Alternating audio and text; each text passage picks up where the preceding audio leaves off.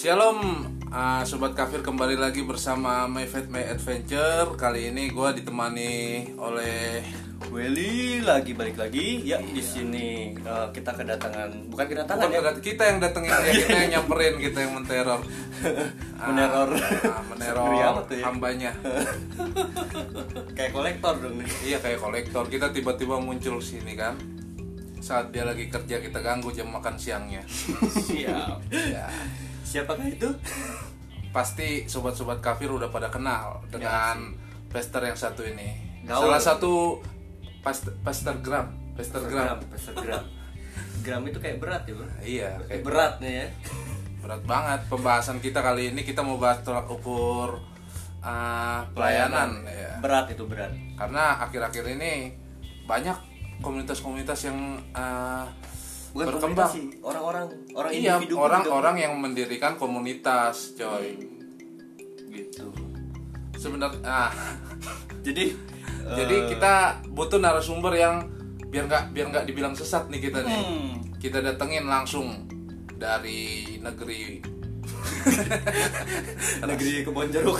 Negeri pas. Kebon jeruk. Lagi minumnya jeruk. Iya iya benar benar benar. Iya langsung aja. Perkenal. perkenalkan Halo semua, perkenalkan saya Dieter Nicholas dari GBI Kebon Jeruk. Haleluya. Haleluya. Oh, jadi maksud kedatangan kami ke sini kok Ya, sekarang uh, pengen nanya nih uh, soal komunitas-komunitas yang kan banyak banget nih kok komunitas-komunitas yang berkembang sekarang-sekarang ini. menjamur, menjamur ya. Banyak banget, baik yang udah viral udah viral di media sosial atau yang belum belum terkenal terkenal banget lah. Heeh, gitu Kita uh, ada satu komunitas, oh, kalau dibilang kayak gitu jadi kayak kesannya nyindir ya. Ada satu komun- uh, ada sebuah komunitas yang uh, dia itu udah lumayan cukup terkenal. contoh lah ya Iya, contohnya lumayan cukup. Iya nggak di- usah dikasih contoh dong. merek nggak usah Iya nggak usah merek kita nggak endorse Pokoknya yang dul-dul itulah, yang dul-dul itu. yang dul-dul itu kan eh, kita bikin podcast pertama kali nih kok. Eh, podcast kita cuman di kalangan eh, apa namanya eh, aplikasi-aplikasi tertentu doang. Sedangkan yang sebelah sana udah masuk TV segala macam ya kan. Iya. Jadi eh, seakan-akan komunitas yang di sana itu eh, kayak gimana ya? Kayak menganggap kita yang belum masuk TV ini buka eh, apa namanya? terkenal lah ya keterkenalan famous gitu itulah Iya. Heeh, itu yang mau kita tanyain sebenarnya tolak ukurnya bagaimana itu Iya tolak Yang ukurnya itu itu. berat ya Geli sendiri bukan berat coy. Ya, kalau menurut gua tolak ukurnya eh, bagaimana kita melayani atau ukuran-ukuran keberhasilan pelayanan. Ukurannya bukan dari apa kata orang gitu kan, bukan dari apa kata media sosial, apa kata orang, tapi lebih kepada kita eh, melakukan kehendak Tuhan nggak, menuntaskan kehendak Tuhan nggak, itu yang paling penting gitu kan. Contohnya Yesus lah. Iya kan secara manusia Yesus mah gagal ini dia kan selama dia melayani tiga setengah tahun bro dia cuma punya 12 murid loh Iya benar-benar. iya kan iya secara manusia mah 12 ya ampun doang ya. Jadi bukan bukan bukan uh, kuantitinya ya. iya yang dong menjadi iya kan? tolak ukur atau uh, keterkenalan atau apa gitu ya. nanti lu baca di Alkitab ya di Yohanes 6 ayat 66 tuh 6 6 6 Nah, lu baca tuh sobat kafir. baca tuh Iya. Sobat, sobat kafir ini Ya, kita nanti namanya nanti kok. baca aja bahwa ya kalau lu baca itu Yohanes 6 konteks dari ayat yang pertama itu Yesus memberi makan 5000 orang, Bro. 5.000 orang. 5000 orang laki-laki, belum termasuk perempuan dan anak-anak.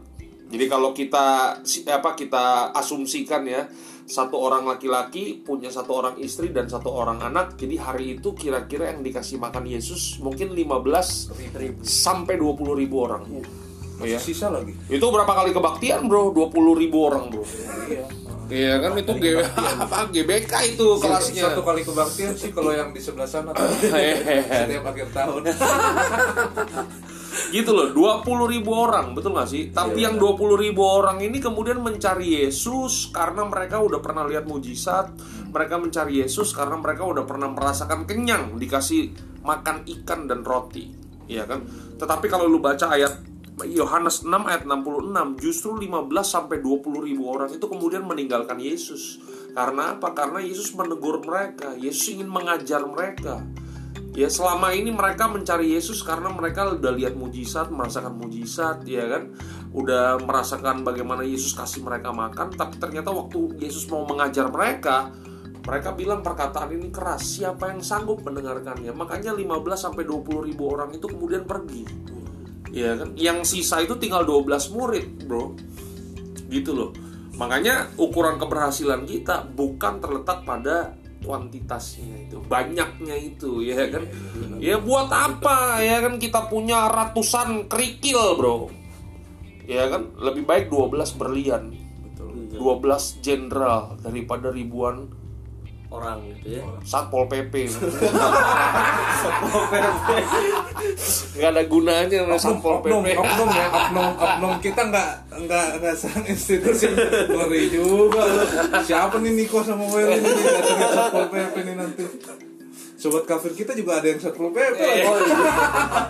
Nggak itu hanya sebagai perbandingan aja bro. Ya kan? lebih baik 12 kita jenderal mending di jenderal gitu kan daripada ribuan hansip gitu kan ya nggak percuma ya kan? Gitu loh. Jadi inget kayak kisahnya Gideon tuh ya? Iya dong.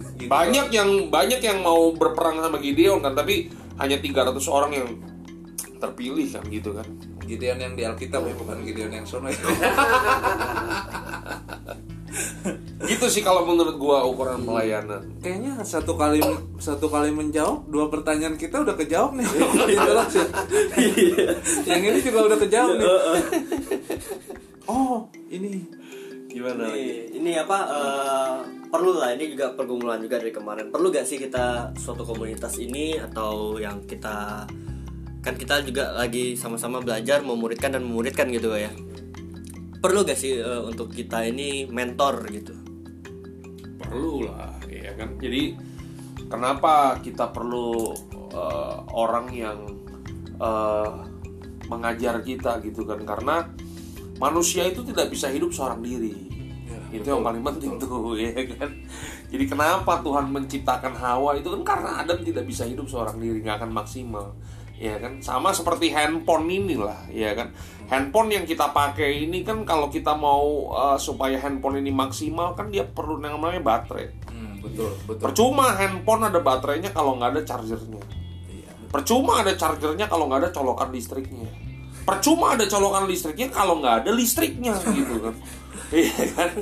Jadi untuk untuk kita bisa menikmati handphone ini aja kita perlu begitu banyak hal gitu loh. Sama seperti kehidupan kita.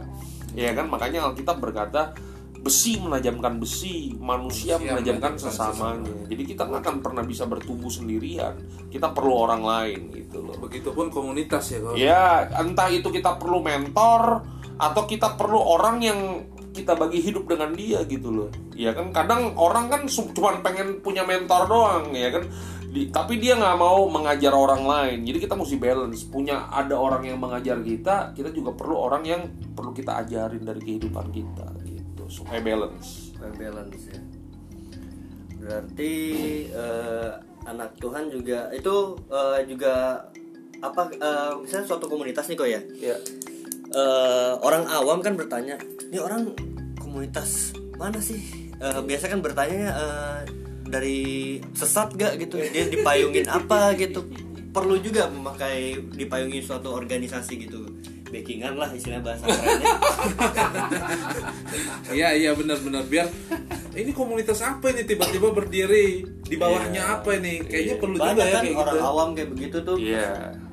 Makanya kenapa kenapa gua ya sebagai pribadi gitu ya, gua masih tertanam di dalam gereja. Ya kan gereja gua GBI gitu kan gua masih ada di dalam uh, struktur kependetaan di GBI.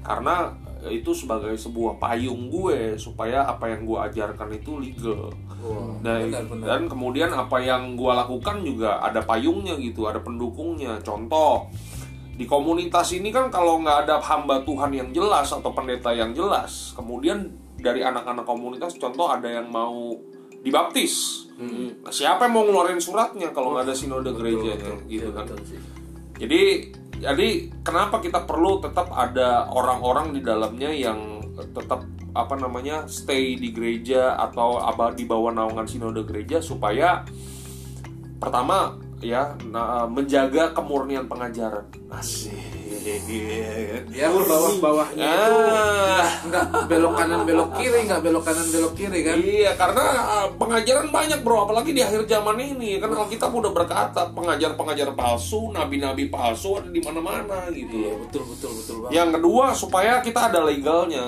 gitu loh, nggak liar. Iya. Kan tetap mesti diatur bro. Ya gue percaya di zaman Yesus kan juga belum ada sinode gitu kan. Cuman masalahnya kan negara kita kan negara apa namanya ya negara hukum kan gitu kan. Makanya perlu payung hukum lah untuk menjadi backupnya kita gitu. Iya benar itu. Berarti penting itu ya. ini biar Welly aja yang nanya-nanya ya. Soalnya gue bukannya gak mau nanya nih Well cuman gue belum belajar bahasa Ibrani.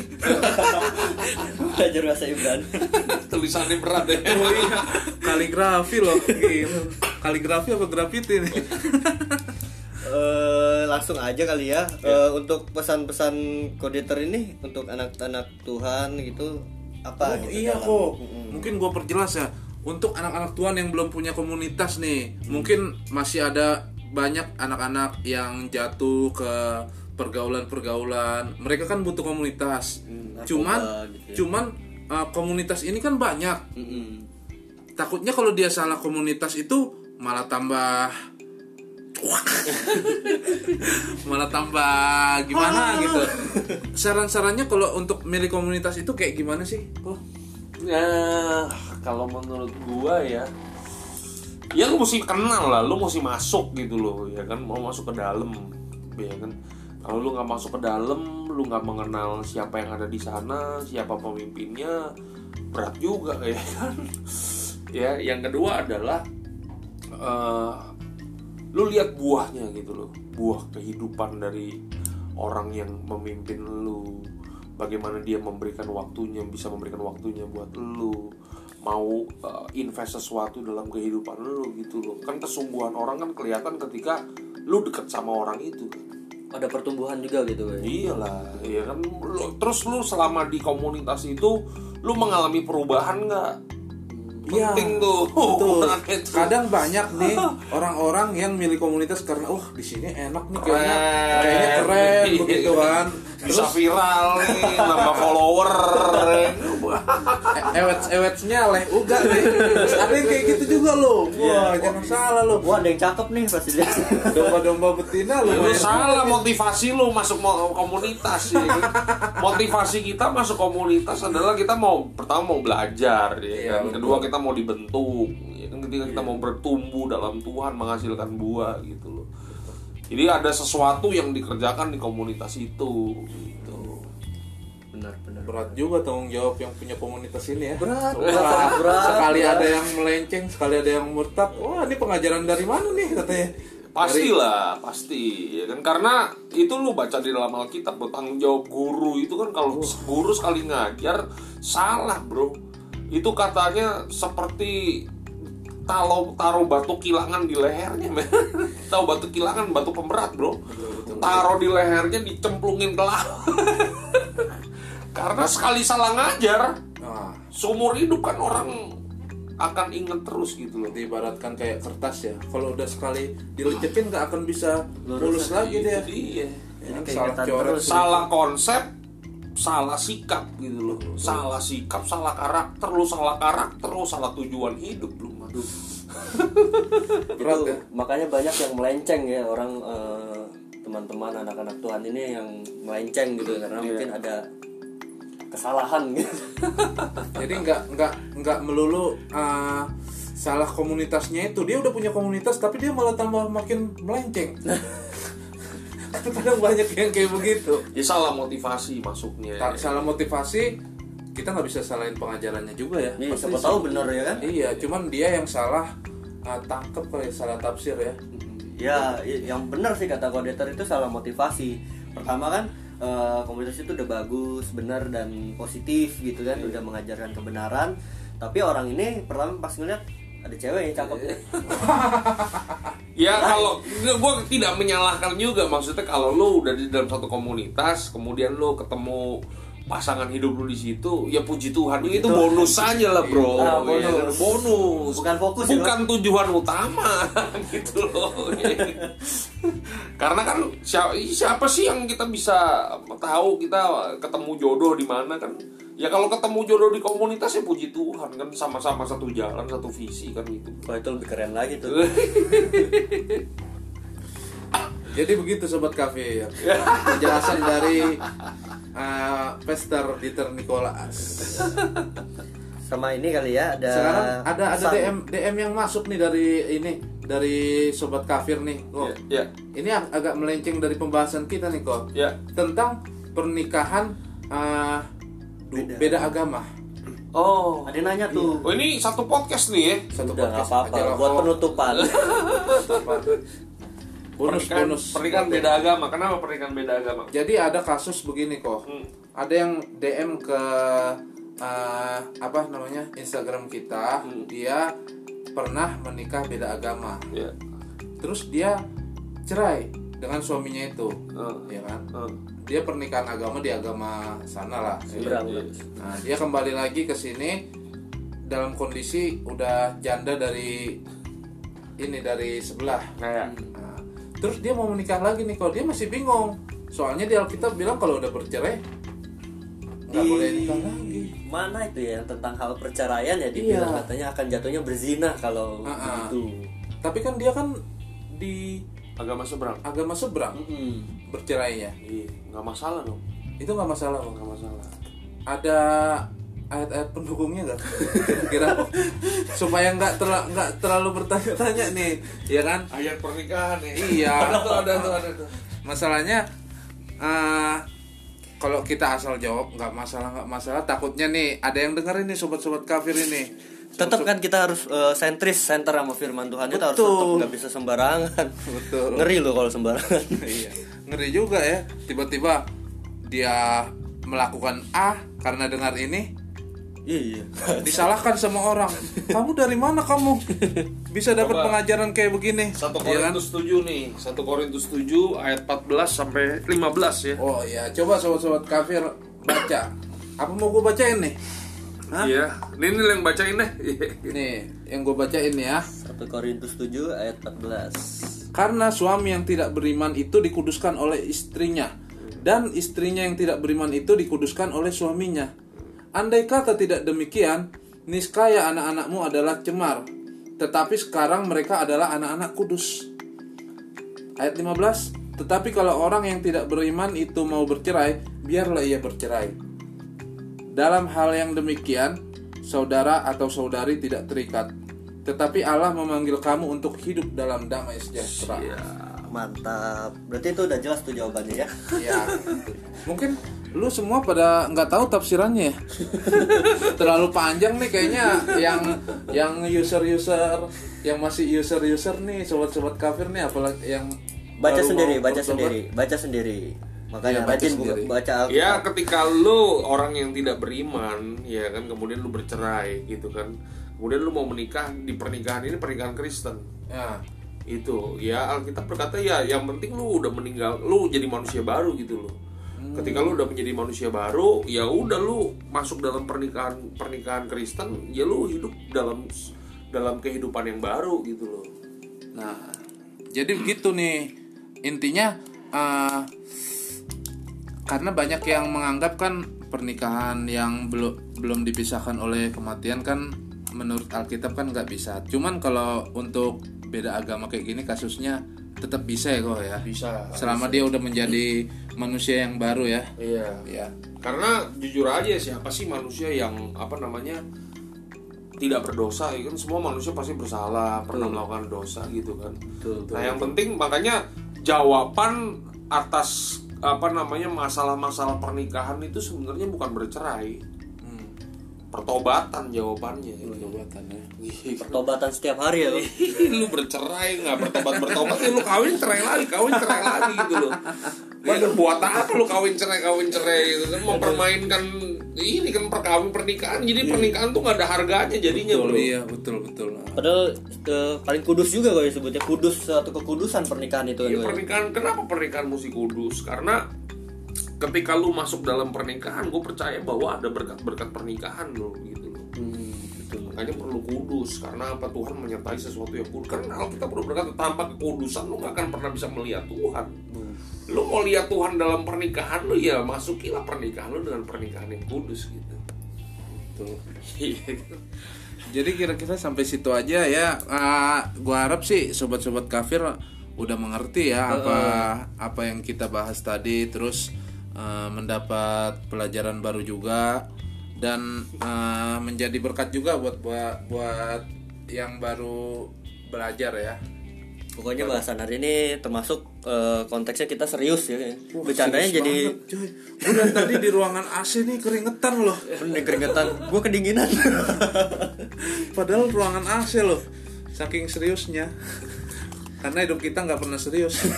Tapi sama Tuhan serius. Sama kamu juga. Oke, sampai di situ saja ya. Podcast kita hari ini. Terima kasih buat kodeter. God bless you Tuhan berkati semua semangat selalu salam kerajaan tuntaskan kehendak Tuhan dalam kehidupan kalian Haleluya. ya, gua Niko undur diri. Gue Welly mundur-mundur. Sampai ketemu di podcast kita selanjutnya. Shalom.